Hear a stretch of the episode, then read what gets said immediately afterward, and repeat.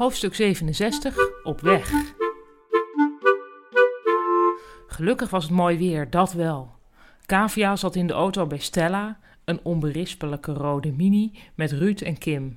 Roy kwam met de bus en Enzo met het moederconcern. Om de dingen niet door elkaar te laten lopen, hadden Enzo en Kavia besloten ieder met de eigen collega's te reizen.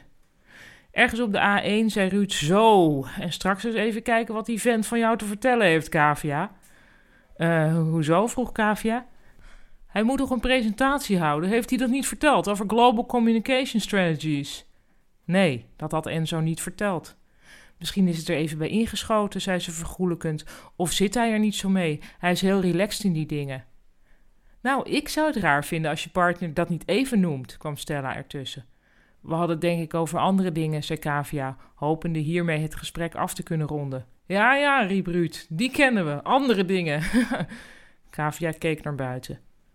Stanley en ik willen misschien een nieuwe auto kopen, probeerde Kim het gespreksonderwerp te veranderen. Maar ja, dan zit je met wat voor auto dan? En daar hebben we het nu al maanden over. Toyota, zei Ruud. Zo moeilijk is het niet. Is gewoon betrouwbaar en dan ben je in één keer klaar. Kijk, voor mij is het belangrijk dat een auto lekker optrekt. En dat moet je dan ook meenemen, maar daar is niet iedereen hetzelfde in. Ik wil vooral makkelijk kunnen parkeren, zei Stella, terwijl ze een langzaam rijdend busje inhaalde. Zo heeft iedereen zijn voorkeuren, sprak Ruud bijna plechtig. Bijtelling, ook niet onbelangrijk. Kavia keek uit het raam naar de geluidswal langs de snelweg. Wat rij jij eigenlijk, Kavia? vroeg Ruud. Een Fiat 500? Ik heb geen rijbewijs, bekende Kavia. Ik reis meestal met de trein. In de stiltecoupé.